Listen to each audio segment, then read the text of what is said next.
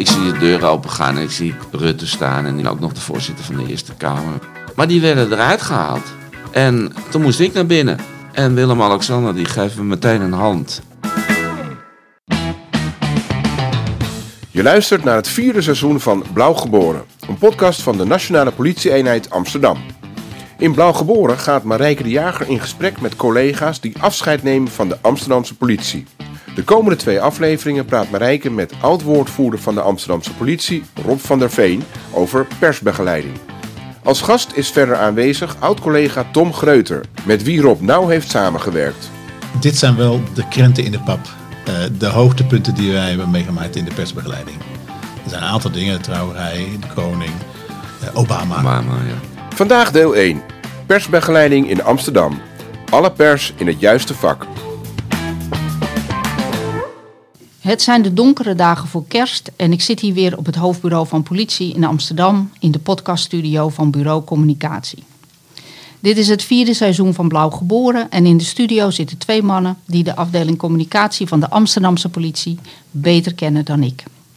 De een is begonnen als politie in blauw op onder andere de Warmoestraat. De ander startte zijn politieleven als persoonlijk secretaris van voormalig hoofdcommissaris Erik Nordholt. Erik Nordholt, wie is dat, zullen sommige luisteraars misschien denken. Ik ga het gewoon straks vragen. Mijn gasten zijn allereerst Rob van der Veen. Tot voor heel recent woordvoerder van de politie Amsterdam. Dag Rob. Hi, goeiedag. En zoals ik al zei, Rob is begonnen als politieagent op straat in Amsterdam. Maar bij zijn afscheid dit jaar namen de koning en koningin de moeite om een persoonlijk gedag te zeggen tijdens zijn laatste klus. Wat heeft hij daarvoor moeten doen? Rob was niet alleen woordvoerder bij de Amsterdamse politie, maar was ook 25 jaar verantwoordelijk voor de persbegeleiding die de politie Amsterdam bij bijzondere gelegenheden en evenementen organiseert. Het is iets unieks van Amsterdam en het voorziet al jaren in een behoefte. En over die persbegeleiding, daar gaan we in deze podcast over praten. Maar voordat we dat gaan doen, wil ik eerst naar mijn tweede gast. Bij de voorbereiding voor deze podcast vroeg ik aan Rob wie wil je meenemen naar de studio? En zijn antwoord was meteen: Dat wordt mijn maatje Tom Greuter. En die zit hier ook. Welkom, Hallo. Tom. Hallo, ja. Marike. En Tom, om dan maar bij jou te beginnen. Wie is Rob van der Veen? Wie is Rob van der Veen? dat is een, uh, ja, een hele deskundige en een hele prettige collega. Die ik al jaren ken. Uh, en uh, wat hij te veel heeft, heb ik te weinig en andersom. En daardoor vullen we elkaar prima aan. Maar dan ga ik wel even vragen, wat heb jij te weinig? Uh, ik heb te weinig de operationeel inzicht wat, uh, wat Rob heeft. Uh, uh, dus de praktische invulling daarvan. Ik heb wel wat praktische ervaring, maar niet zoveel als dat hij heeft. Um, en wat hij te weinig heeft, is het organisatorische draaiboekenverhaal, zeg maar. wat ik altijd op me, op me nam en op die manier onze inzetten regelde. En is dat zo, Rob? Nou, laat ik dit zeggen. ik heb, uh, voordat ik bij communicatie kwam, de laatste drie jaar dat ik op de Nieuwe Zijds werkte. Uh, dat is eind jaren 2000 uh, geweest. toen organiseerde ik hele staatsbezoeken. Vanaf het begin tot het eind. En daar moest ik ook altijd draaiboeken van maken. Uh, en dat, dat uh, heb ik wel gedaan, maar dat vond ik niet heel erg leuk om te doen. en uh, toen ik hier in de situatie kwam dat ik bij communicatie kwam werken en Tom mijn, mijn buddy werd als het ging om persbegeleiding, ja, dan was het wel heel fijn dat ik iemand in mijn omgeving had die dat heel goed kon, ook nog leuk vond. maar dat het ook tot in de puntjes geregeld was. En daar hou ik heel erg van. En dat was het namelijk. Dus dat was jullie magie uh, ja, onderling. Rob, jij hebt afscheid genomen van de politie officieel per 1 oktober dit jaar? 27 september. 27 ja. september. En jij, Tom, was 1 juni dit jaar klaar? Nee, 1 maart was ik klaar. 1 maart ja. al. Rob, je zei tegen mij over Tom, ik miste hem. Het was klaar. Dat vond ik heel mooi. En vertel me, hoe kan iemand, een collega, zo belangrijk zijn... dat als je denkt, hij gaat weg nou, misschien is het ook wel eens mijn tijd om nu te gaan. Hoe is dat? Nou, dat, dat, dat werkt eigenlijk als volgt. Kijk, wij konden lezen en schrijven met elkaar. En uh, uh, naast het, werk uh, voelen wij elkaar ook heel goed aan. zoals wij privé met elkaar contact hebben, is het ook altijd goed. Eh, Tom is een heel prettig mens, maar ook een heel. eh, eh, hoe hij tegen het leven en tegen het politiewerk aankijkt. En met name de persbegeleiding aankijkt. Ja, dat, dat, dat klikte zo goed. En eh, ja, voor mij was het zo dat. Kijk, mijn, mijn eh, pensioen zat er ook aan te komen. En eh, dat, dat Tom ging stoppen, dat was voor mij duidelijk. En daarom was het wel fijn dat wij, Tom en ik samen, ervoor hebben gezorgd dat wij hele goede vervangers hebben gekregen. Die eh, het werk ook wel gedeeltelijk deden. eh, maar nu ook eh, doen, zelfs op een dag als vandaag dat we deze podcast aan het opnemen zijn. Doen zij de werkzaamheden die wij eigenlijk gewend waren eh, te doen. Ik denk dat wat Rob uitspreekt ook wel iets typisch van de politie is. Een, eh, een collegialiteit die heel diep gevoeld wordt, toch? Ja, absoluut. Weet je, je moet met elkaar kunnen bouwen, vertrouwen. Maar weet je wat nog belangrijker is? Eh, weet je, in, eh, soms heb je van die collega's eh, waarvan je weet dat je talenten benut gaan worden en zelfs gestimuleerd gaan worden. Eh, en dat is ook iets eh, ja, wat wij aan elkaar eigenlijk altijd deden. Dus daarom is het ook altijd een feestje om te werken met Rob. Wat, wat ook belangrijk in ons werk is, wij komen in vrij unieke situaties. En ehm, eh, ik heb van huis uit meegekregen, met name van mijn moeders kant, het gunnen. En ik vind het altijd mooi als je collega's ook dingen kan gunnen. Eh, je moet je voorstellen dat je, dat je eh, in de situatie komt dat je dus het paleis in kan op het moment dat daar eh, een, een, iets statigs bezig is. Nou, dan is het voor mij heel makkelijk als ik erover ga om te zeggen van... hé jongens, eh, jullie vinden het wel buiten, ik, ik ga naar binnen en dan kom ik straks weer terug. Maar ik vind het ook mooi om eh, mensen iets te gunnen. En, en, eh, ehm, en als dan ook nog eens een keer degene die, waar, die, dat, die je dat dan gunt en naar binnen gaat... en dat je dan later eh, te horen krijgt van mensen die in het paleis werken... en van de Rijksvoorlichtingsdienst... nou, dat was weer top geregeld. Kijk, daar hou ik van. Ja, En dat, dan heb je het goed gedaan. En ja, dat, dat geeft gewoon een heel prettig gevoel. Uit wat voor gezin kom jij? Ik ben een nakomertje. Eh, mijn oudste zus was 14 jaar ouder. Mijn tweede zus was 11 jaar ouder. En mijn broer was 8,5 jaar ouder. Eh, mijn vader was beroepsmilitair, beroepsofficier. Eh, en hij. eh, ehm, ja, nou goed, ik kan het ook gewoon zeggen. Er gebeurde wel eens wat dat hij iets te veel dronk. En dat, dat, dat heeft mij eh, ooit doen besluiten om nooit te, gaan drinken. Dat heb ik ook nooit gedaan. Ehm, maar ik vond de wereld waarin hij zat, vond ik wel een bijzondere wereld.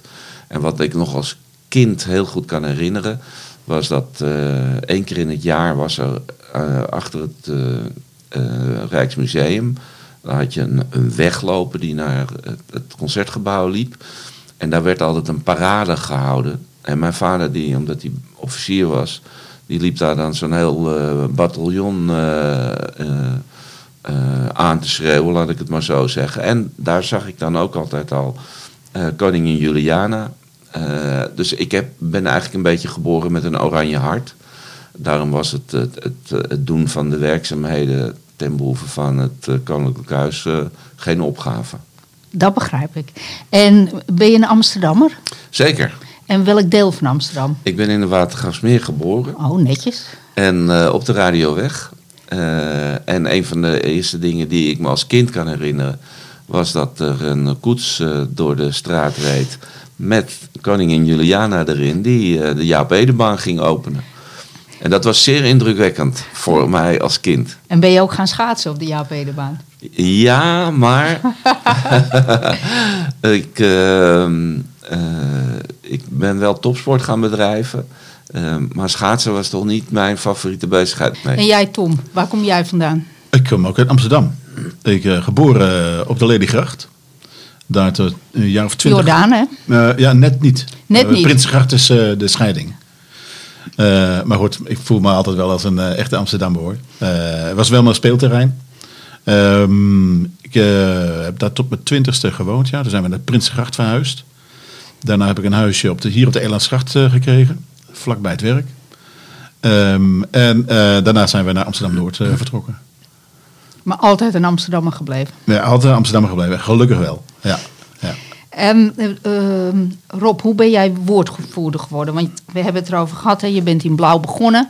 En eh, eh, je hebt in Blauw op straat gelopen. Je bent altijd executief politieagent gebleven. Ja. Maar de overstap naar woordvoerder, dat is toch bijzonder. Ja, dat is het ook wel. En ik heb ook veel collega's eh, eh, gesproken en de vraag gekregen van... hoe kan jij nou gewoon eh, die stap maken? Want ik was een echte boevenvanger. Ik, ik was zeer act- een zeer actieve diender op straat. Ik heb bijna zeven jaar op de Warmerstraat gezeten. Je hield van jagen, begrijp ik? Zeker. Ja. En, en bijna 15 jaar op de Nieuwe Zuid-Voorburgwal. En de situatie eh, ging als volgt. Wij eh, kregen een vraag van communicatie of wij, of wij als bureau Nieuwe Zuid-Voorburgwal mee wilden doen aan een eh, politieprogramma dat heette Bij de Politie. 13 afleveringen over het politiewerk. Nou was er kort daarvoor was er een enquête geweest in de buurt over hoe mensen over de politie dachten in de buurt. En daar kwamen we echt heel slecht uit. En dat voelde heel raar. Ik denk, dat kan eigenlijk. Hoe kunnen mensen nou zo over ons denken? Want we doen ons stinkende best om het voor hun leefbaar te maken en eh, wat iets meer zijn. Dus toen heb ik tegen mijn wijkteamchef gezegd: hier moeten we aan meedoen aan di- dit programma. Want dan kunnen we de mensen namelijk laten zien wat we allemaal doen. Ook uit hun zicht. En ehm, nou, toen zijn we aan dat programma mee gaan doen. En er was een, een, een cameraploeg in de zomer. En ik was eigenlijk intermediair tussen de collega's die eh, voor de camera gingen. De cameraploeg en Stokvisproducties en Veronica. Maar dan was de cameraploeg de zomers. En dan was er geen, eh, eh, waren de collega's er niet die dan gefilmd moesten worden. Omdat het vakantie was bijvoorbeeld. Of er was iets anders aan de hand. Nou, ik ben van de, de problemen oplossen. Dus dan zei ik, nou ga maar met mij mee. En dan nam ik ze mee naar het paleis als ik daar bijvoorbeeld iets had. Of ik nam ze mee naar een eh, winkel die we dicht gingen timmeren. Of een, eh, een zoeking. Of allemaal dat soort dingen. En we hadden ook een hele grote oefening. Eh, Nee, ik zeg het verkeerd. Een hele grote inzet achter het paleis. Omdat we daar heel veel last hadden van junks en, en wino's. alcoholisten. En, en ik praatte dan voor de camera de hele boel aan elkaar. En, eh, maar ja, goed, dat werd toen op een gegeven moment uitgezonden. En dat werd tegelijk uitgezonden met, met eh, Big Brother. De eerste Big Brother. Ja, het programma van John de Mol, hè, wat toen eh, revolutionair was. Zeker. En ehm, wij drukten af en toe qua kijkcijfers Big Brother eruit. Eh, en ik En dat is echt een hele grote prestatie. Zeker. Zeker. zeker. Dat, dat, en eh, daar was ik ook trots op, maar ik voelde me net een soort politieproducer. Want ik ging meteen de volgende dag aan eh, de kijkcijfers bekijken. Dat was echt wel. wel dat zegt natuurlijk iets over jouw karakter. Dat is waar. En ehm naar aanleiding van die uitzendingen. dat hadden Van Riesen en, en Kuiper, die toen in de korpsleiding zaten, zagen die uitzendingen.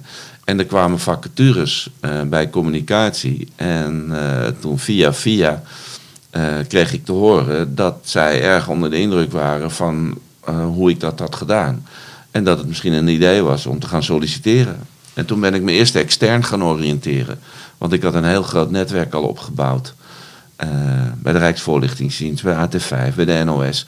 Die heb ik allemaal gebeld om te vragen of zij dachten dat het werk van woordvoerder bij mij zou passen. En die zeiden allemaal stuk voor stuk van ja, dat zou heel goed bij je passen. En toen ben ik me pas intern gaan oriënteren. En toen kwam eigenlijk eh, ehm, eh, de, de, de situatie eh, dat de de, het vacaturegesprek ging plaatsvinden. Maar toen heb ik wel gezegd van ik wil wel woordvoerder worden, maar dan wil ik chef van de persbegeleidingsunit worden. Oh, omdat ik op die manier, als ik die rol kon blijven vervullen, eh, toch ook mijn netwerk in stand kon houden. En omdat ik wist dat het heel leuk werk was. In de periode dat Rob werkzaam was in Blauw op het bureau Nieuw-Zijds, was hij betrokken geraakt bij de organisatie van onder andere de staatsbezoeken die traditioneel plaatsvinden op het Paleis op de Dam. Het paleis valt voor wat betreft de politie onder het bureau gevestigd aan de Nieuwe-Zijds Voorburgwal. Ik vroeg mij nog af, eh, ehm, heb je, eh, had je een Amsterdams accent vroeger? Eh, ja, maar eh, ik ben op mijn dertiende naar Bussum verhuisd. Oh, En ik heb, dus, ik heb dus negen jaar in Bussum gewoond. En dat heeft wel wat gedaan met mijn accent. Dus, en dat is wel het mooie in ons werk als politiemens. Kijk, ik kan gewoon met, een, met een, eh, ja, eh, iemand die de straat aan het vegen praten. Maar ik kan ook met iemand die in een driedelig pak staat eh, praten. En dan pas ik mijn gesprek wel iets op aan. Eh, maar ik vind het heerlijk om gewoon lekker in Amsterdam te zijn. En onder de mensen en te praten zoals ik wil praten. en jij Tom, hoe zit het met jouw Amsterdams accent? Ja, die heb ik niet blijkbaar. En dat heeft denk ik te maken dat mijn moeder uit Brabant komt en ik een wat zachtere G heb dan de, de normale Amsterdammer eh, praat. Maar ehm, eh, op, ik heb ook een aantal keren eh, in het verleden op straat gewerkt, gewoon in uniform. Dus misschien dat we dat later nog Ja. even over hebben. En dan als je een echte Amsterdammer tegenkomt, dan ga je automatisch toch naar het dialect toe. in Ga je Amsterdam. meepraten? Ja, ga je meepraten. Ja. Hetzelfde niveau. Eh, en dat is ook hartstikke leuk. Jouw start was anders hè, bij de politie. Ja, ja, ja, ik ben niet begonnen bij, eh, bij Noordholt. Ik ben eerst begonnen aan de Verlijnberglaan. Als, eh, toen heette dat de transactieambtenaar. Ik had overigens niet gesolliciteerd bij de politie. Dat is een heel apart verhaal. Maar in ieder geval, ik werd gevraagd en op een gegeven moment ben ik er zo ingerold. Ehm, en na ehm, de Verlijnberglaan ben ik in eh, de Waddenweg gegaan. In de tussentijd heb ik bestuurskunde gestudeerd. En nadat ik mijn studie had afgerond, toen eh, werd ik eh, gevraagd om naar het hoofdbureau eh, te komen. En uiteindelijk ben ik dan secretaris van Noordholt geworden in op 1 januari 1988. Dan 1 januari 1988. Dan was En- net korpschef. Ja. En ehm, misschien is het goed om te zeggen dat zeker toen had je politiemensen die in blauw begonnen, die hadden geweldsbevoegdheden. Hè? Dus die, die hadden dat monopolie, die mochten een wapen dragen. Dat noemde je executief. ja. En eh, mensen zoals jij, die een andere start hadden, dat noemde je administratief technisch Ja, personeel. Niet executief of eh, AT. Ja, Ja, klopt. Ja. en eh, ja, dat is een beetje veranderd, maar dat is altijd wel een scheiding geweest in Absoluut. de politie. Ja. ja. En mensen vragen soms ook, hoe ben jij blauw geverfd? Hè, dat is nog een hele ouderwetse vraag. ja, blauw zit tussen je oren. hè. Zit Het is, hoe je, ja, het is hoe je kijkt naar dingen en hoe je pragmatisch zaken op kan lossen. Eh, nou, dat is denk ik wel eh, wat, wat belangrijk is. Wat mij daar ontzettend bij geholpen heeft, is de verplichting in de periode dat ik bij eh, Noordholt zat, om in ieder geval één keer in de week, één keer in de twee weken zo'n beetje, mee de straat op te gaan. En met alles. Dus met kraanwagenchauffeurs, met dienders, om te kijken wat gebeurt er, wat is er nodig. gewoon om een goede dat feeling te krijgen. Ja, en dat is... Buiten dat leuk is. Ja. Hè, want het is een geweldige tijd dat je toen gaat. Eh, want je gaat ook niet met eh, gewone, die, ja, gewone dienders. Je gaat altijd met dienders mee waarvan je weet dat er wat gaat gebeuren. Ja. Dus die, sommige collega's die trekken dat aan of die, die zien dat beter. Dat soort dingen. Nou, dat waren in ieder geval de collega's waar ik mee de straat op ging. Dat was op zich eh, ook bijzonder dat Noordholt tegen je zei... eh, één Ja. keer per twee weken moet je een gevoel hebben voor wat er gebeurt. Klopt. Vroeger kon dat, tegenwoordig kan dat allemaal niet meer. Nee. Laten we even gaan, wie was Noordholt? Voor de luisteraars die dat niet meer weten. Dat nooit hebben geweten. Een korpschef die hier in Amsterdam tien jaar korpschef is geweest, van 87 tot 97. Ehm, eh, hij kwam uit Groningen. Hij was daar eh, toen korpschef. Eh, is hij door toenmalige burgemeester Van Tijn gevraagd om hier naartoe te komen. Om de reorganisatie te maken. Zeg maar. Het creëren van wijkdienst was toen een, een hot item. Dus politie dichter bij de bevolking brengen. Ehm, en hij is in 87, eind 87 geloof ik, is hij begonnen. En eh, zo rond de jaarwisseling werd ik gevraagd om hier naartoe te komen. En hij wilde ook ehm, iets anders doen in het eh, overleg met de ondernemingsraad. En dat was in eerste instantie mijn functie. Eh, dat heb ik drie dagen gedaan en toen werd ik gevraagd eh, om zijn secretaris te worden. Ja, Ja. En dan zat je in dit gebouw waar we nu zitten, Ja. zat je op de Gouden Gang. ja En is wat is, wat is de Gouden Gang? eh? Ja.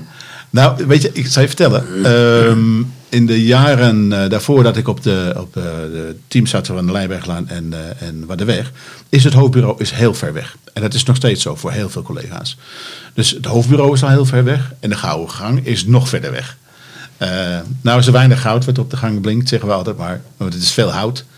Ehm, maar het was wel een aparte omgeving. Het is een gang op de tweede etage en dan gaan die klapdeuren Ja, gaan eerste, open. ja. Of op de eerste Eerste. en dan gaan die klapdeuren open. En Ja. dan is er opeens houten lambrisering en Ja. een ander tapijtje geloof ik. Klopt. En dan, eh, En op zich is daar eh, serene rust. Eh, maar in is de- dat dan goed of slecht teken? Nee, nee, nee. Nou, ik vind dat wel een slecht teken. Ja. Eh, want, maar aan de andere kant, weet je, de tijd dat ik daar gezeten heb, eh, hebben we ook ontzettend veel gelachen. En ook kattenkwaad gehaald. Naast het, eh, het gewone werk wat je moest doen. En een ander ding wat ik altijd vanaf het begin heb gedaan, ik had altijd mijn deur open. Altijd. Eh, zodat collega's eh, die door de gang liepen, omdat ze bijvoorbeeld naar verhoorkamers moesten, boven op de tweede. dat ze altijd konden zien dat er gewerkt werd en een praatje kon worden gemaakt. En dat ze altijd welkom waren om binnen te komen. En waarom vind je het een slecht teken dat het daar zo rustig was? Nou, omdat het niet de praktijk is van het werk wat gedaan wordt op straat. Eh, en dat, die, die combinatie eh, vind ik heel belangrijk. eh, dat men dat wel weet en dat men dat ook ervaart. En het verschil vond je erg groot. Ja, in het begin moest ik daar wel even aan wennen, ja. Wat heb je na Noordholt gedaan? Na dat ben ik gevraagd toen, door Jelle Kuiper toen, om internationaal op te zetten voor Politie Amsterdam. Dus om samenwerkingsverbanden aan te gaan met, met de andere korpsen in de wereld. Eh, om eh, buitenlandse eh, collega's hier naartoe te halen. om te laten zien hoe wij dingen deden. Maar ook om samenwerkingsprojecten bijvoorbeeld met Nederlandse Antillen, de eilanden. die, wat gefinancierd werd door Binnenlandse Zaken toen de tijd. BZK. Om die te organiseren en zo. Dus alles wat met internationaal te maken heeft, dat liep via mijn bureau, bureautje. Eerst was ik onafhankelijk. Daarna ben ik een tijdje binnen de structuur van bureau communicatie geweest. En eh, de laatste aantal jaren is het binnen politieprofessie en allianties eh, terechtgekomen. Rob, tijdens onze gesprekken de afgelopen periode, toen vertelde jij mij dus iets nieuws, iets waar ik nog nooit van gehoord had en waar je net al aan refereerde, en dat was persbegeleiding. En ik dacht, nou, dat is een eh, heel leuk onderwerp voor de- deze podcast, want wie weet nou dat dat bestaat. Ehm, dus ik ga jou vragen, wat is persbegeleiding? Ja, dat is eh, heel leuk dat je dat, dat je dat doet. En ik vind het ook heel leuk om daarover te praten. En ik heb het natuurlijk met Tom erover gehad, die vindt dat ook. Ehm, eh, wat wij vaak zagen eh, vroeger, dat de hordes pers van A naar B maar een beetje renden en deden. En dat, dat, dat zag er eigenlijk niet uit, zeker niet als het bij iets is waarbij dingen waardig moeten gaan. Eh, Of het nou een staatsbezoek is of een nationale, nationale herdenking. En eh, persbegeleiding, eh, dat doe je eigenlijk altijd onder de vleugel van mensen van de Rijksvoorlichtingsdienst of van de gemeente.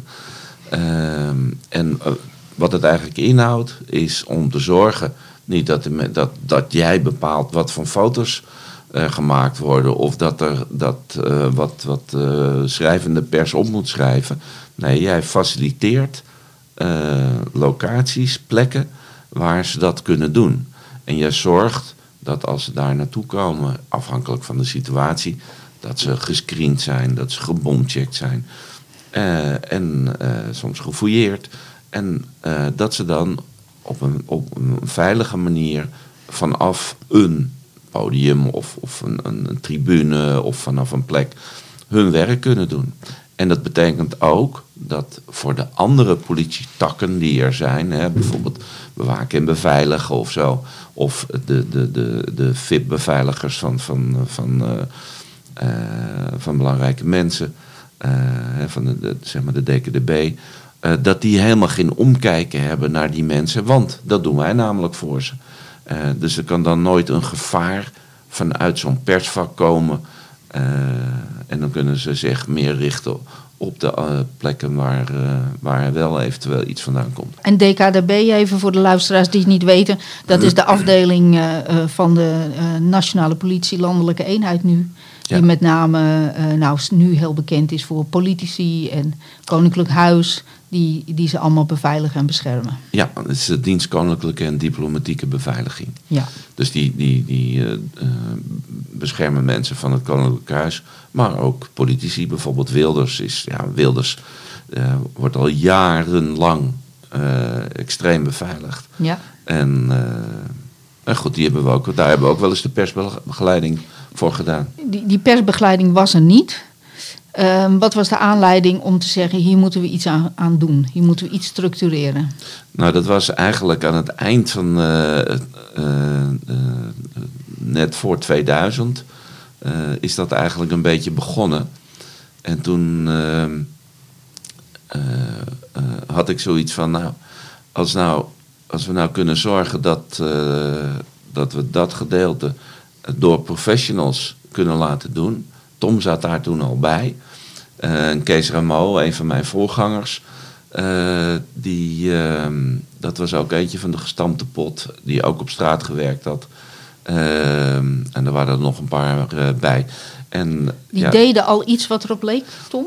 Ja, ja dat, de eerste inzet die eigenlijk door persbegeleidingsunit werd gedaan, is tijdens de Eurotop van 1997. Toen kwam de vraag om, om de hordes die toen kwamen, om die in de begeleiding te gooien. Was jij daar toen ook al bij betrokken, Rob? Niet als, niet als persbegeleider. Ik zat toen bij het Vredesdetachement, ja. wat toen net opgericht was. En wat is dat? Ja, dat... Daar heb ik ook niet van gehoord. Nee, het Vredesdetachement, dat zijn collega's die uh, heel goed uh, contact met mensen kunnen maken. Heel goed met mensen kunnen praten. Uh, en onze taak was, bijvoorbeeld als er een demonstratie was of een manifestatie dan gingen wij met een groep collega's in uniform, zonder pet, in die demonstratie. En dan zochten wij altijd de mensen uit waarvan wij het vermoeden hadden. Deze zou wel eens kunnen ontploffen. In de vorm van eh, agressie of stenen gooien, wat dan ook. En daar maakten we dan contact mee. En uh, ik heb dus nog nooit meegemaakt dat iemand, terwijl je ermee aan het praten was, het lef had om een steen uit de grond te halen en dan ineens met een steen te gaan gooien. en, dus wij waren ze altijd wat dat betreft voor. Ja. En, en uh, uh, wij hebben heel veel demonstraties begeleid. En we kwamen ook heel vaak dezelfde mensen tegen. En de kracht daarvan is dat je op een gegeven moment weet dat iemand Karel heet. Of uh, Sonja. En dus als je dan de volgende keer iemand ziet, hé hey Karel, hoe is het? Weet je wel? Terwijl zij eigenlijk zogenaamd van de tegenpartij zijn. Maar ja, wij zijn gewoon mensen, neutrale mensen. Soms zijn we het zelfs eens met waar zij voor demonstreren. Alleen dat kunnen we niet laten blijken.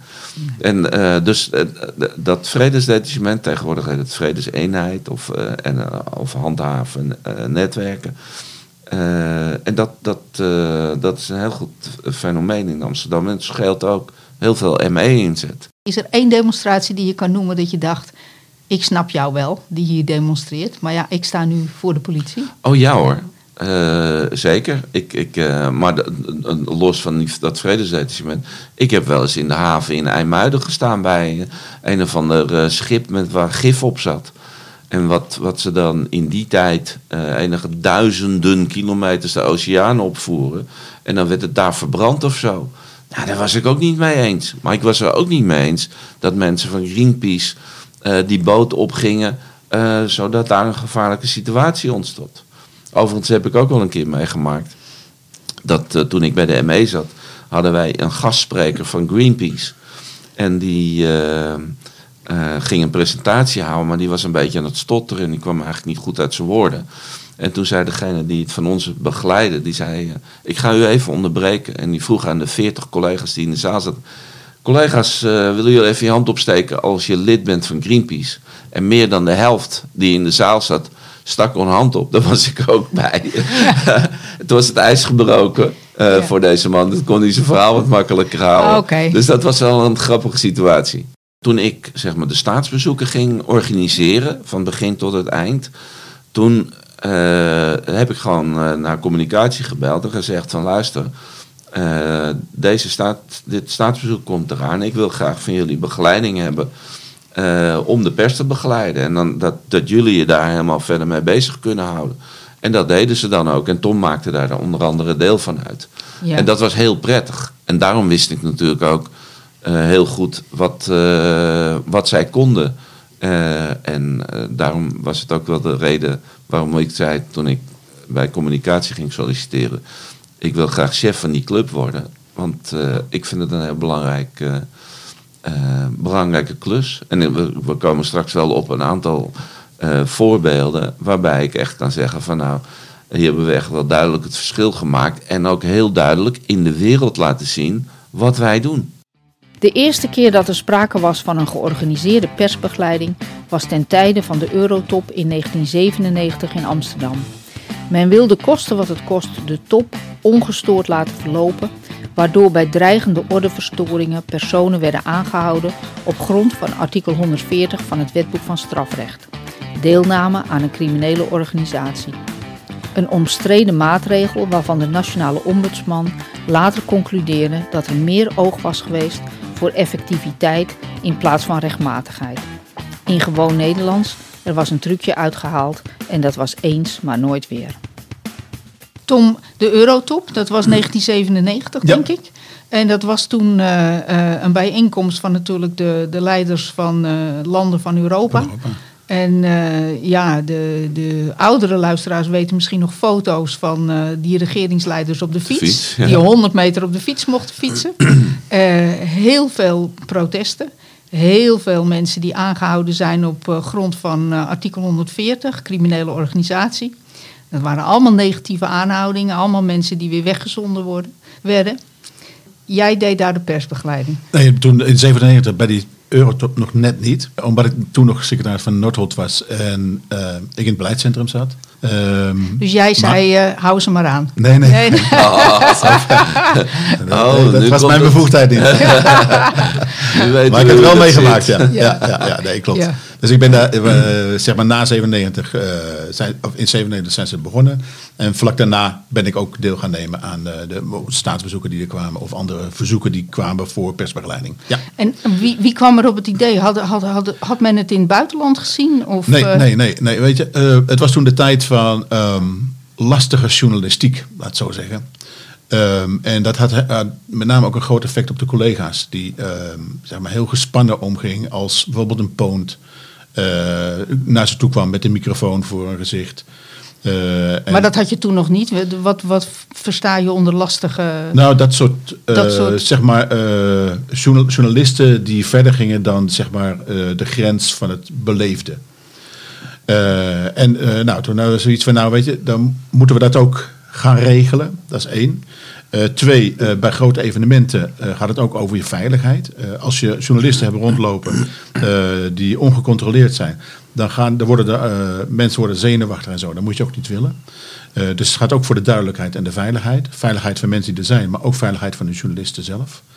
Uh, en wij vingen zeg maar uh, de journalisten af van de collega's zelf. Dus dat doen we nu nog steeds, of deden we nu nog steeds. Op het moment dat wij grote inzetten hebben, dat is bij staatsbezoeken zo, we gaan naar de collega's toe zeggen, als er mensen van de journalistieke uh, komen en wel of niet een pasje hebben, maakt niet uit. geef ons even een seintje, gaan wij in gesprek met ze en gaan we even kijken wat we voor ze kunnen betekenen. Nou dacht ik natuurlijk, wat iedereen nu tot nu toe denkt, het is een aparte afdeling. Maar dat is geen nee, aparte afdeling. Het is een nevenfunctie, ja. zoals dat heet. Ja. Dus jullie doen het er allemaal bij? Ja. En de communicatie gaat met via de WhatsApp onder andere, toch?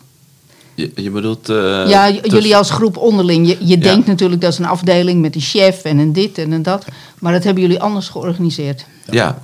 nou kijk, het, het, het uh, op, uh, er staat niks op papier. maar het was wel duidelijk dat Tom en ik die kaart trokken. En omdat we dat uh, al uh, heel lang en, en, en in mijn ogen ook goed deden, werd er ook altijd een beroep op ons gedaan. Altijd. zelfs op momenten dat, het, dat we eigenlijk geen inzet konden plegen. Want wij, wij zijn er namelijk niet om de veiligheid van die persmensen te regelen. Dus het, het, het, kan niet zo zijn dat als er een ultra-rechtse demonstratie is en dat daar pers doorheen beweegt, dat wij dan uh, lang met die pers meelopen om te zorgen dat ze niks overkomt. Dat is iets heel anders. En dat is ook een vrij recente ontwikkeling, uh, dat pers gewoon zelf belaagd wordt. Dat was vroeger ja. niet ja. of nauwelijks. Nee, dat klopt. En dat doet me wel pijn. Hè? Ik bedoel, uh, ik vind het heel erg als dat gebeurt. En ik heb ook met heel veel mensen uh, van de pers gesproken die in dat soort situaties uh, zijn gekomen. Die heb ik ook steeds van advies uh, gediend Eh, en ook gezorgd dat als er ergens iets was, dat de collega's die daar aan het, de politiemensen die daar aan het werk moesten, of ze extra goed wilden opletten dat de pers niet in de problemen eh, kwam. Ehm, maar dat is echt wel iets anders. Hoeveel mensen eh, doen dit als neventaak? Nou, dat is wel eh, een grappige vraag. Ehm, toen wij zeg maar op ons sterkst waren, konden we wel een beroep doen op tien mensen. Met onszelf erbij. Maar we hebben natuurlijk ook een situatie gehad dat uh, Willem-Alexander ging trouwen bijvoorbeeld. En dan was die tien was niet genoeg. En dan zorgde ik dat ik van andere eenheden een aantal mensen naar ons toe trok. Die ik dan goed kende en waarvan ik wist, nou die kunnen die klus echt wel klaren. Uh, we hebben ook mensen van de gemeente uh, zelfs daarbij getrokken. En ook van, uh, van het OM. woordvoerders van het OM mee laten doen in de klus die we moesten doen. En behalve dat ze dat konden, vonden ze dat ook heel eervol om dat te mogen doen. Uh, dus ja, nee, dat, dan, maken, dan, dan maken we gebruik van, van andere mensen. Uh, dus er is een soort tweede ring, ja. eigenlijk. Ja, we, we, we, kunnen dan wel een beroep doen op, uh, op andere mensen. Ja. Hoe moet ik me dat nu voorstellen? er is een, gewoon in zijn algemeenheid, er is een specifiek evenement. Neem nu, er is nu een staatsbezoek van ja. de president van Zuid-Korea. Is denk ik vandaag de laatste dag, zou twee dagen zijn. Ja, klopt. Dus hoe lang van tevoren worden jullie dan benaderd voor zoiets? Nou, dat, dat kan soms maanden van tevoren zijn. En, uh, en dan begonnen ze altijd bij jou als chef? Nou, het, het, grappige was dat wij kregen altijd op een of andere manier ergens vandaan dat er iets aan zat te komen. Nou, dan namen wij meestal even contact op met de Rijksvoorlichtingsdienst. En dan, uh, dan kregen we te horen van nou, uh, op die en die datum is er een voornemen dat er een staatsbezoek is. En uh, ja, wij kennen natuurlijk onze stad goed. En wat wij natuurlijk willen weten, waar gaat dat allemaal plaatsvinden? Behalve dan in het paleis en op de Dam met een kranslegging. waar, waar vindt eventueel de contraprestatie plaats? Want een, als er een staatsbezoek is, dan is degene die gast is in, uh, in, uh, in Nederland, in Amsterdam, die doet ook altijd één dag dat hij gast is voor het de koningin toen, of in dit geval nu de koningin, koningin. En um, dus wij wilden altijd zo snel mogelijk, zoveel mogelijk informatie. En hadden daar natuurlijk ook altijd meteen al, uh, dachten we al na van oké, als, als, als dat daar gaat gebeuren, bijvoorbeeld het concertgebouw of bij de RAI, dan uh, wisten we wel, oké, dan, dan weten wij uit ervaring, oké, dan zullen de persvakken aan die kant komen, zodat er zodat zij goede opnames kunnen maken. Dat de zon niet in een camera schijnt. Allemaal dat soort dingen hou je dan allemaal al rekening mee.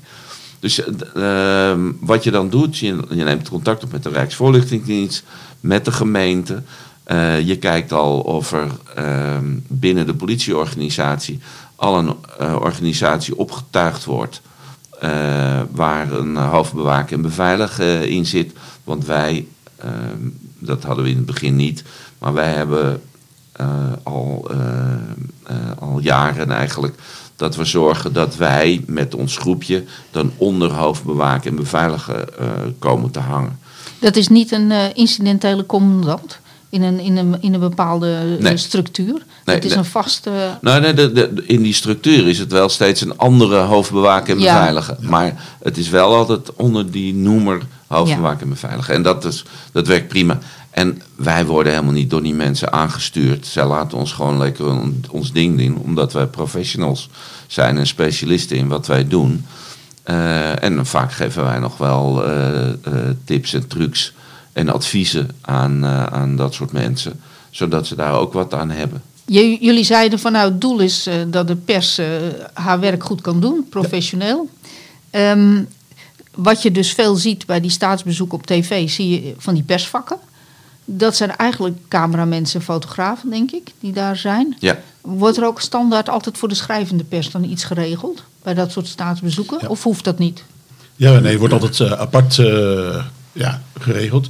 Bij staatsbezoeken over het algemeen um, staan zij ook in de persvakken zelf.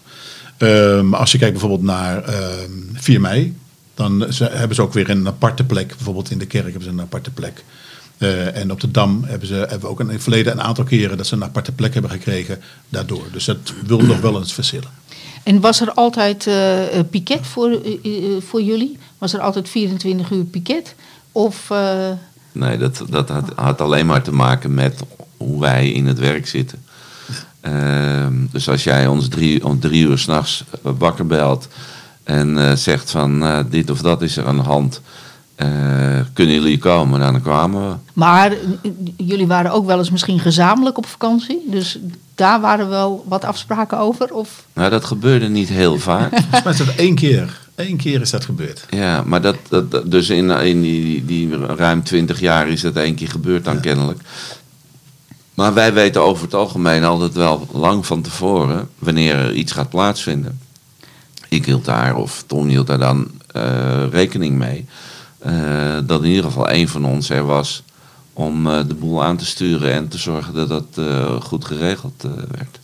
En, en was dat nu voor jullie opvolgers of voor de toekomst moeilijker te regelen? Want je hoort natuurlijk dat de huidige generatie jonge mensen die werken, niet specifiek alleen bij de politie, ja, die hebben veel verplichtingen, zorgen samen voor de kinderen, willen niet altijd meer vijf dagen per week werken. Hebben jullie dat gemerkt bij de overdracht? Nou, de, de twee die het van ons over hebben overgenomen, die, die zijn eigenlijk uit dezelfde klei getrokken als dat wij zijn. Die, eh, die zullen eh, dingen laten vallen om te zorgen dat dit stukje, de persbegeleiding, eh, goed geregeld is. En als ze het niet zelf zouden kunnen, dan zorgen ze dat iemand anders het eh, van hen over kan nemen. Maar daar maken we me echt helemaal nul zorgen over. Klopt.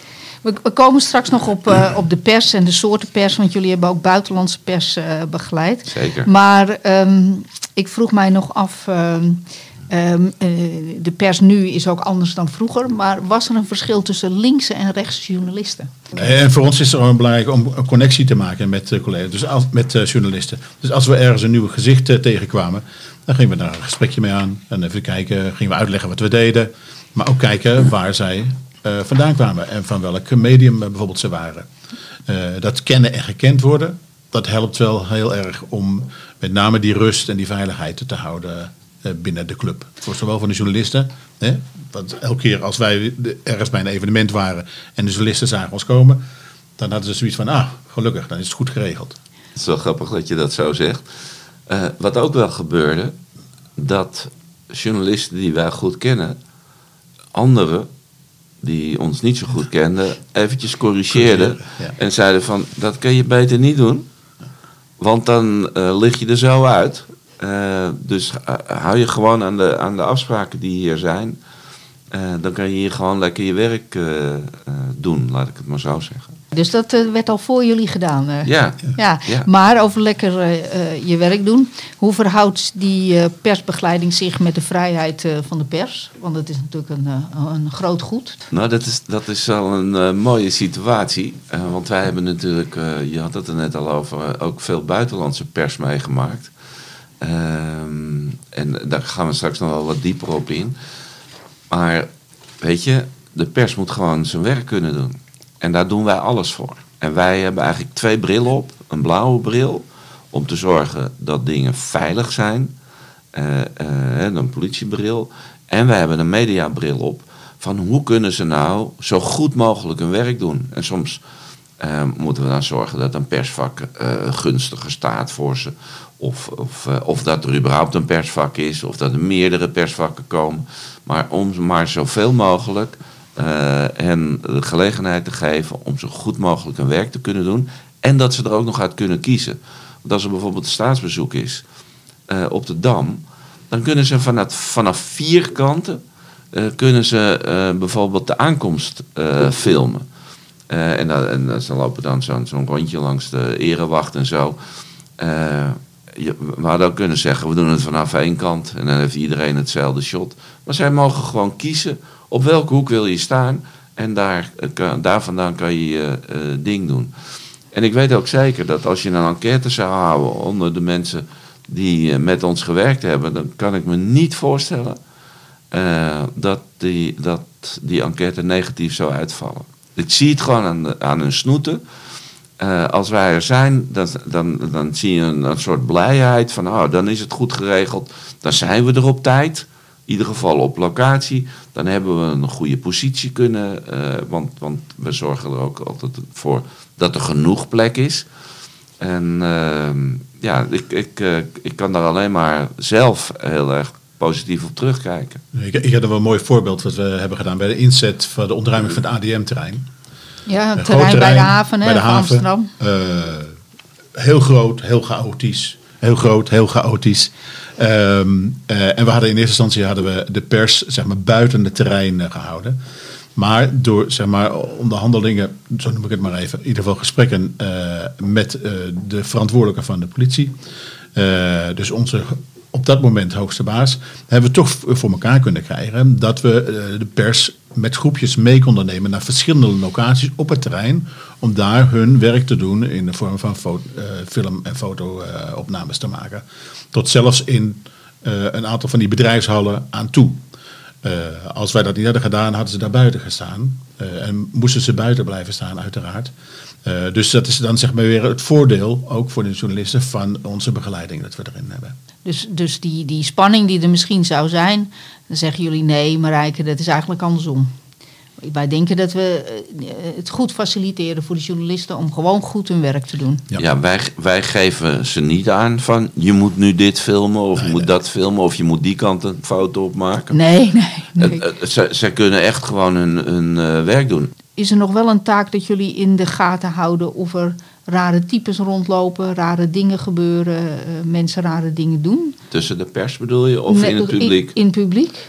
Ja, dat doen we wel. Want kijk, wij hebben natuurlijk op het moment dat de, de pers in een persvak staat of in de persvakken, dan hebben we het eigenlijk voor elkaar. Dan, dan kunnen die daar gewoon hun ding doen. En terwijl we daarbij staan, kijken we natuurlijk wel van is er nog iets anders raars te zien in, in, in het beeld wat niet klopt. Wij, wij, eh, wij, wij waren al eh, aardig eh, getraind daarin, maar we hebben ook spottersopleidingen gedaan om, om, om dat nog extra te verbeteren. En we hebben wel eens een keer gehad bij het concertgebouw.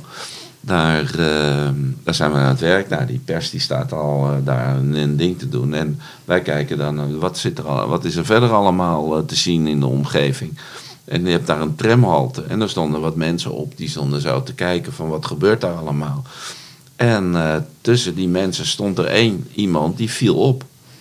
En wat wij dan doen, dan zorgen dat collega's in uniform zo'n iemand die opvalt eventjes apart nemen, even een gesprekje mee hebben om te kijken van wat, sta, wat staat hij daar nou te doen, waarom staat hij daar. Het is natuurlijk onderbuikgevoel, hè? waarom valt iemand op? Maar Zeker. kun je nog iets zeggen van wat, wat viel ons op toen? eh, Nou, het, het, het, het punt is, ehm, kijk, als eh, normale mensen eh, ergens naar kijken, dan kijken ze feitelijk naar eh, ehm, eh, bepaalde dingen. En zo iemand die kijkt dan, wij, wij, zijn, ja, wij zijn getraind om zakkenrollers bijvoorbeeld te onderkennen. Eh, een zakkenroller die staat niet naar de panden te kijken, die staat naar tasjes te kijken bijvoorbeeld. En deze persoon, die had toch een bepaalde gedragingen. eh, dat ik zeg van, die, daar moet heel even mee gesproken worden. En eh, dus die werd apart genomen. En toen bleek dat dus, ik noem het maar even, een undercover te zijn van de DKDB, van de Dienst Koninklijke en Diplomatieke Beveiliging. Eh, en die was juist aan het kijken waar zitten de zwakke plekken eh, waar iets nog mee moet. Maar hij werd er dus uitgehaald. dus En- die was niet blij. die was niet blij. En dat hebben we wel vaker gehad, maar die was niet blij. En, en eh 20 minuten later of 25 minuten later stond er weer iemand tussen het publiek. En dat was dezelfde figuur met een pruik op en een ander jasje aan. En een plaksnor. En die werd er toen weer uitgehaald. En eh, ja, dat, ja, dus wij letten wel op. Maar dat is niet jullie officiële taak Nee. of zo. nou. Nee. Want Nee. er zijn eh, dan andere mensen die dat ook moeten doen. Klopt. Op zo'n We hebben, evenement. vaak is het zo dat we ook de persvakken binnen een eh, beveiligd gebied hebben. Dat wil zeggen een gebied wat dan eh, afgezet is met, eh, met hekken enzovoort.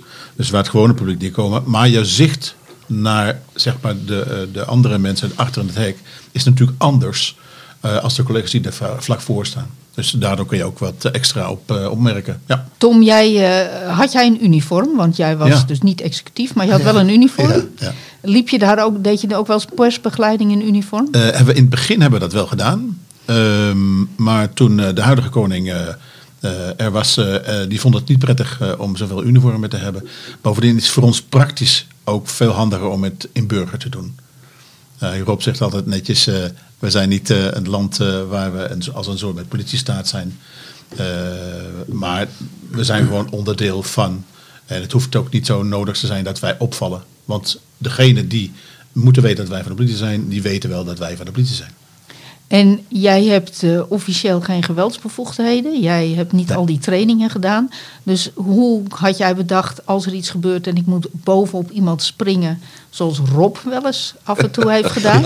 Hoe doe jij dat dan? Ja, ja. Hoe heb je dat bedacht voor jezelf? Wat moet ik doen? Als het echt moet, uh, dan spring ik er ook bovenop. Uh, en dan zien we later wel wat de consequenties daarvan zijn. maar veiligheid gaat natuurlijk boven alles. Uh, in andere dingen uh, hebben wij altijd de afspraak gemaakt. We werken altijd in koppels bij persbegeleiding. Uh, en dat houdt in dat het één executief, één niet-executief. op het moment dat er iets gebeurt, heeft de executieve een andere rol dan de niet-executieve. en dan moet je bedenken van wel dat ik bijvoorbeeld zorg dat de journalisten in veiligheid worden gebracht. Of verplaatst gaan worden op een andere manier. In plaats van de agressor aan te pakken. Dat, dat mag de ander doen. Ja. En we hadden je dan uh, in zo'n situatie heel snel hulpsheriff gemaakt. Tuurlijk. Zodat je wel uh, als burger de executieven kon helpen. Dit was de eerste aflevering van het vierde seizoen van Blauw Geboren. Over persbegeleiding door het Amsterdamse politiekorps met Rob van der Veen en Tom Greuter. In de volgende aflevering doen we de ultieme test. Herkennen Rob en Tom aan de hand van geluidsfragmenten nog de grootste evenementen die ze hebben begeleid? Het huwelijk, de kroning en het bezoek van president Barack Obama aan Amsterdam. Maar ook praten we over persbegeleiding bij trieste gebeurtenissen. De dood van advocaat Dirk Wiersum en journalist Peter R. Vries. En Rob van der Veen, die kreeg op zijn laatste dag in functie bij de politie een droomafscheid. Luister naar deel 2, persbegeleiding en het Koningshuis. Een oranje hart. En ik zal je eerlijk vertellen, ik stond daar uh, achter die fotografen. Ik vond het heel eervol. En ik dacht, hier, sta ik maar gewoon als simpele herder tussen de groten der aarde. Deze podcast werd samengesteld en gepresenteerd door Marijke de Jager. Montage Mano Barton.